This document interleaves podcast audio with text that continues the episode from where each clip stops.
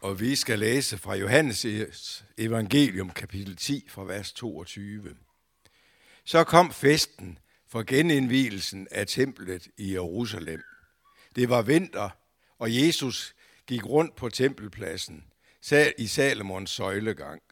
Da jøderne slog ring om ham og spurgte, hvor længe vil du holde os hen? Hvis du er Kristus, så sig os det lige ud. Jesus svarede dem, jeg har sagt til det til jer, og I tror det ikke. De gerninger, jeg gør i min fars navn, de viner om mig. Men I tror ikke, fordi I ikke hører til mine får. Mine får hører min røst, og jeg kender dem, og de følger mig. Og jeg giver dem evigt liv, og de skal aldrig i evighed forgå, gå, gå fortabt, og ingen skal rive dem ud af min hånd. Det, min far har givet mig, er større end alt andet, og ingen kan rive det ud af min fars hånd. Jeg og faderen er et.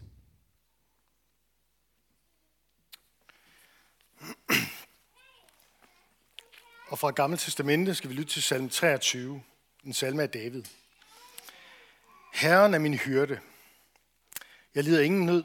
Han lader mig ligge i grønne enge. Han leder mig til det stille vand. Han giver mig kraft på ny. Han leder mig af rette stier for sit navns skyld. Selvom jeg går i mørkets dal, frygter jeg intet ondt. For du er hos mig, din stok og din stav er min trøst. Du dækker bord for mig for øjnene af mine fjender. Du salver mit hoved med olie. Mit bære er fyldt til overflod. Godhed og troskab følger mig, så længe jeg lever. Og jeg skal bo i Herrens hus alle mine dage. Gud, vi beder dig om, at vi må få lov til at stole på det, som står her i den her skønne salme. Og erfare, at din godhed og din trofasthed, din troskab, følger os, så længe vi lever. Amen.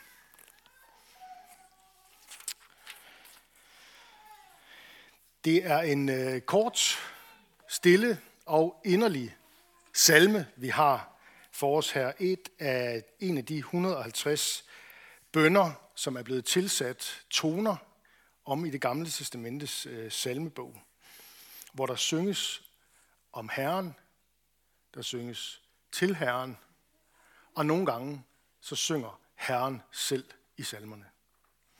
Det synes jeg er, øh, det var noget, jeg fandt, faldt over en, der sagde for nylig. Her synger Herren, der synges til Herren, og der synges om Herren.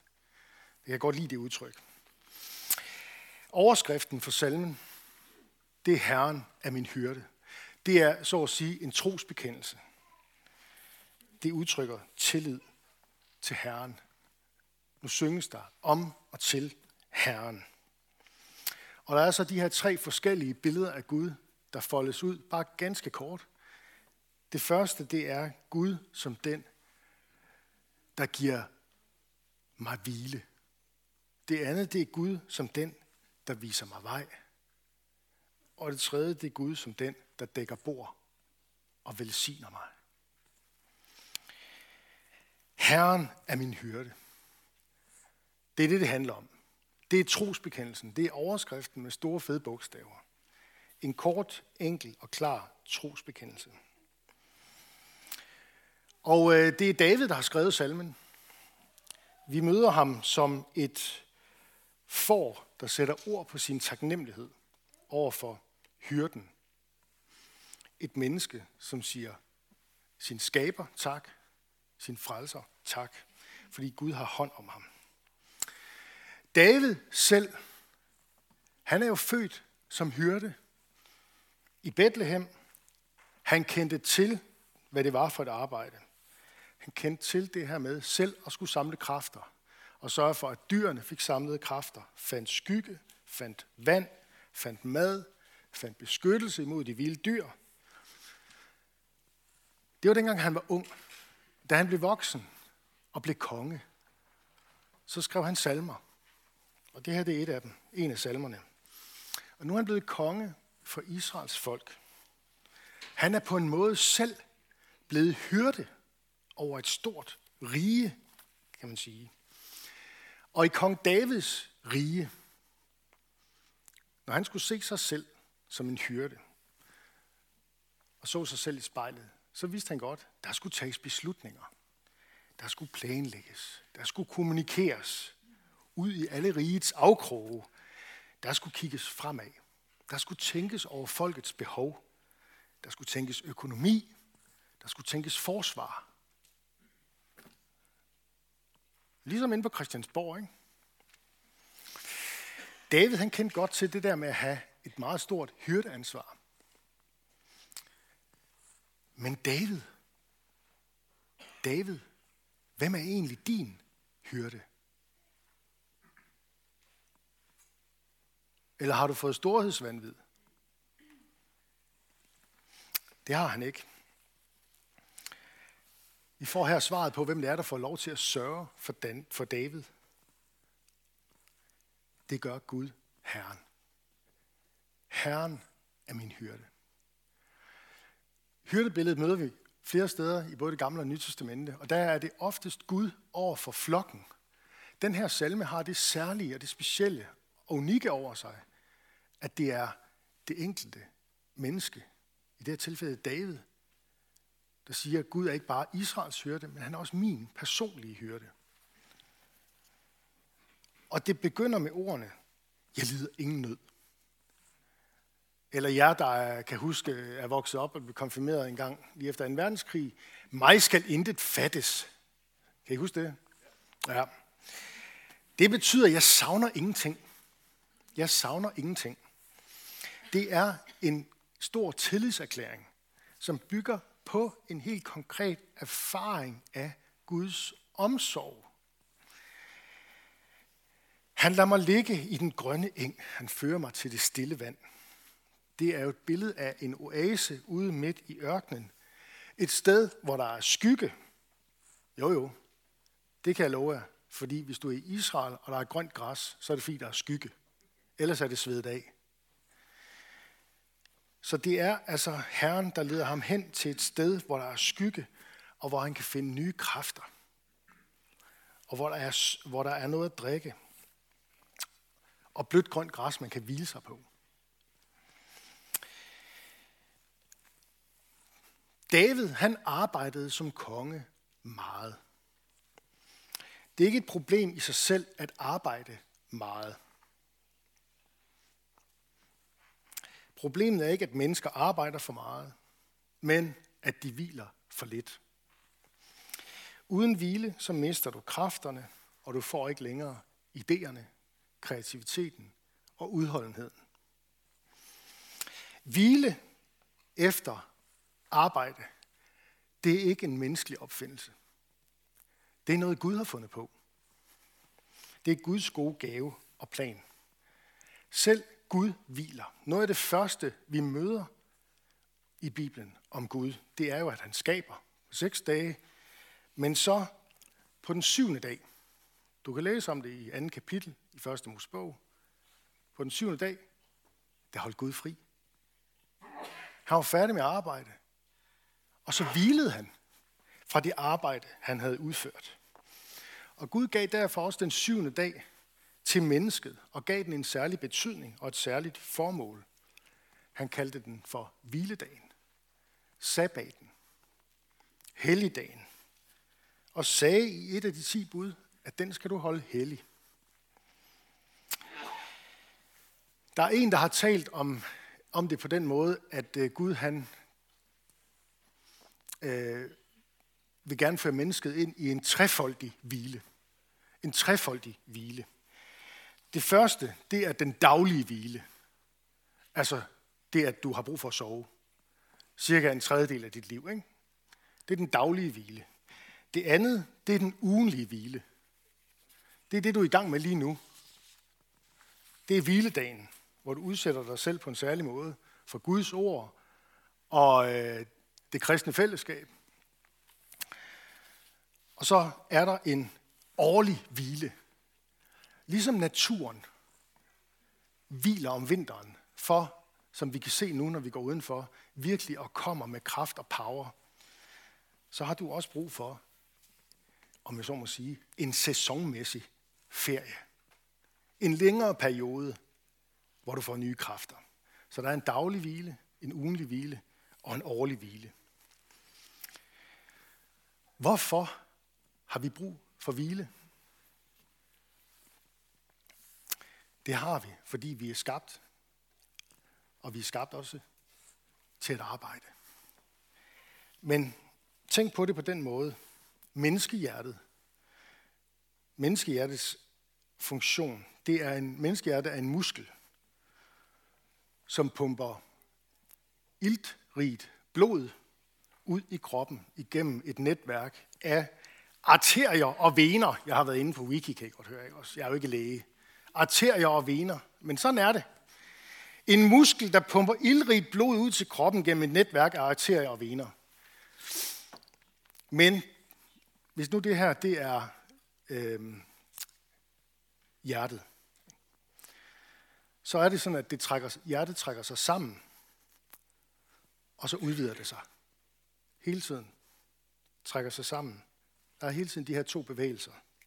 Sammentrækning, hvor hjertet modtager blod, og udvidelse, hvor hjertet sender blodet ud i kroppen. Giv. Er det omvendt, Biver? Du sidder og griner. Modtag, giv. Hvile og arbejde. Hvile og arbejde. Hvile og arbejde. Input, output. Input, output. Input, output. Hvis rytmen den ændres, så er det, at dit liv er i fare. Det er derfor, Herren gerne vil være din hyrde. For han vil gerne give dig den rytme. Hvile efter arbejde, det er ikke en menneskelig opfindelse, men Guds gode gave. Og så er der en ting mere i forhold til det med hvile. Når vi hviler, så lærer vi, at livet det går videre. Vi lærer, at vi ikke er uerstattelige. Vi lærer, at livet kommer fra Gud, at Herren er min hyrde. Så fortsætter David med et billede af Gud som en vejviser. Han leder mig af rette stier for sit navns skyld, selv om jeg går i mørkets dal. I dødens skygge, så frygter jeg ikke noget ondt. Og hvorfor gør jeg ikke det? Fordi du er hos mig. Jeg læste en bibelkommentar, hvor, øh, hvor øh, ham, øh, bibelforskeren sagde, at det her det er den vigtigste linje i den her salme. Jeg ved ikke, om han har ret, men nu deler jeg det bare med jer. Det her med, selv når jeg går i mørkets dal, frygter jeg ikke noget ondt, for du er hos mig. Det er jo det ultimative bøndesvar. Det er Guds nærvær, selv midt i mørket. Tænk sig, selv der i dødens skygge, der kan du være på den rette sti. Fordi Gud er hos dig.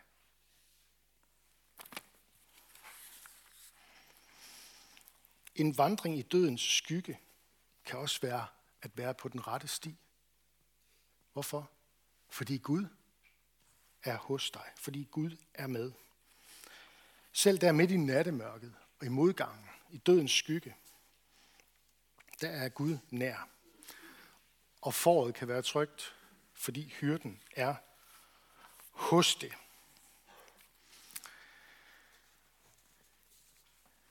Mørkets dal, dødsrigens dal, dødens skygge, det er oversat på forskellig vis. Men uanset hvad, så er det vigtigt lige at få sagt, at dødsskyggen, den hviler jo, i hvert fald sådan biologisk set, over os alle sammen. Statistikken siger, 100 ud af 100 dør. Så er der lige det der med påsken. Der er en enkelt, der er opstået fra de døde igen. Glædelig påske. Så kunne vi sige ammen, men jeg får lige et par minutter mere, ikke også? Øh, døden rammer os alle, men på grund af Jesu død og opstandelse, så går vi døden i møde med håb. Fordi Herren, som er vores hyrde, han har selv været der i dødsriget. Og han har sprængt dødsrigets porte indenfra, så de ikke skal få magt over nogen, noget menneske, der tror på ham. Sådan vil han være hyrde for dig. Du, som er døbt og tror på Jesus, skal vide, at dit forhold til døden, det er forandret. Det går vel ikke føles sådan, men det er det. Det er forandret i forhold til den åndelige død. Den død, som Bibelen oftest taler om. Den taler om det på den måde, at man kan være åndelig død, selvom man biologisk set er levende. Og det er den åndelige død, som Jesus en gang for alle har taget opgøret med, og som du ved troen på Jesus her og nu bliver befriet fra. Glædelig påske. Og så fortsætter vi lige lidt mere. Jeg lige lidt mere. Øh, fordi man er også, der er også en forandring i forhold til den biologiske død. Ikke sådan, at du slipper for den. For som jeg sagde før, så ser det stadigvæk grundlæggende set sådan ud, at 100 ud af 100 dør. Men sagen er, at man kan være fri for døden, selvom man ligger i en grav. Den, som tror på mig, skal leve, om han end dør. Jeg er opstandelsen og livet. Man kan være fri fra døden, selvom man ligger i sin grav. På grund af Jesu død og opstandelse, så findes der nemlig en virkelighed, en ny virkelighed, det evige livs virkelighed, hvor, hvor selv ikke den biologiske død har noget at skulle have sagt. Når jeg vandrer i dødskyggens dal, så er du hos mig. Det betyder, at en døende kristen er i Guds hænder, for du er hos mig. Det er et udtryk, som apostlen Paulus bruger på en lidt anden måde om i 2. Øh, Korintherbrev, hvor han taler om øh, og længes efter at være sammen med Jesus med tanke på sin død. Jeg længes efter at være sammen med Gud, siger han. Igen, det er fællesskabet med Gud, at du er hos mig, der er det ultimative bønnesvar. Og så den sidste ting. Jeg starter med at udlægge det sådan lidt, og så slutter vi meget, meget kort. Den sidste ting, vi mindes om her i salme 23, det er, at Gud han er som en god vært, der dækker bord og varter op for os. Vi kan tænke på Jesus, som satte sig til bords med tollere og syndere, og som sådan kan vi lige om et øjeblik så også gå til nadverbordet. Med dem, med dem, som de mennesker, vi nu er. En menighed af syndige mennesker, som sætter deres lid til Gud, som får lov at smage og se, at Herren er god. Og så også høre, lytte til Jesus, der siger, dette brød er mit læme, denne vin er mit blod. Troen kommer af det, der høres. Lad os bede sammen.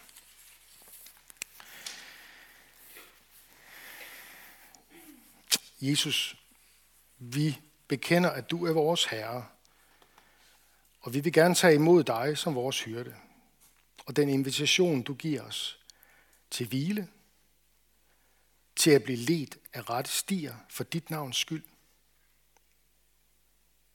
selv når vi går i mørket, så er du hos os. Og du ønsker at velsigne os og dække bord for os og salve os med alt godt fra dit rige. Vi tager dig for fællesskabet omkring Guds tjenesten her. Tak fordi vi kan mødes i frihed og tilbede dig. Udrust os med noget gaver til fælles gavn og opbyggelse og lær os at række ud over vores egne behov. Vi beder for menighedens børn, både de fødte og de ufødte. Beskærm du dem og lad dem få lov at vokse op i tro på dig. Vi beder for menighedens konfirmander og unge, lad dem vokse i tillid til dig. Vi beder særligt for konfirmanderne, som lige om et, i, næste, i næste weekend skal konfirmeres, om at du vil velsigne deres sidste forberedelser og, Og give dem glæde og fest. Dæk du bor for dem. Vi beder dig for ægteskaberne og for de, som lever alene. Giv os din kraft over vores liv og samliv. Vi beder for Skærn by og omegn, at du, Jesus, må blive kendt, troet, elsket og efterfulgt.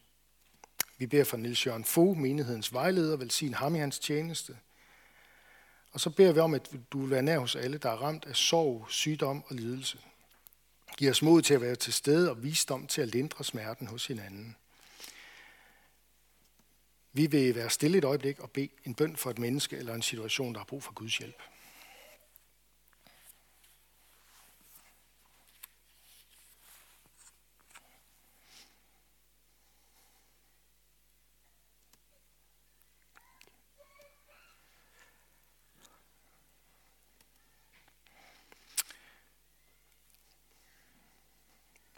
Vi er ved at få forfulgte kristne ud over jorden, dem som lever i verdens brandpunkter, i fattigdom, i krig, i uretfærdighed, dem som forfølges for dit navns skyld. Vær du dem nær på en særlig måde og giv dem nye kræfter i, øh, gennem dit ord og ved din ånd. Vi beder om, at evangeliets lys må skinne blandt denne verdens muslimer, så de omvender sig og lærer dig at kende som den eneste sande Gud. Vi beder om Jerusalems fred, om at den tid snart må komme, hvor de jødiske folk ser dig som Messias og omvender sig i glæde.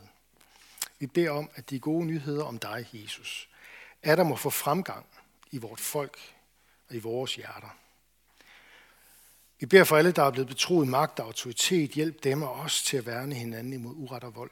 Og kom så snart og gør alting nyt. Amen.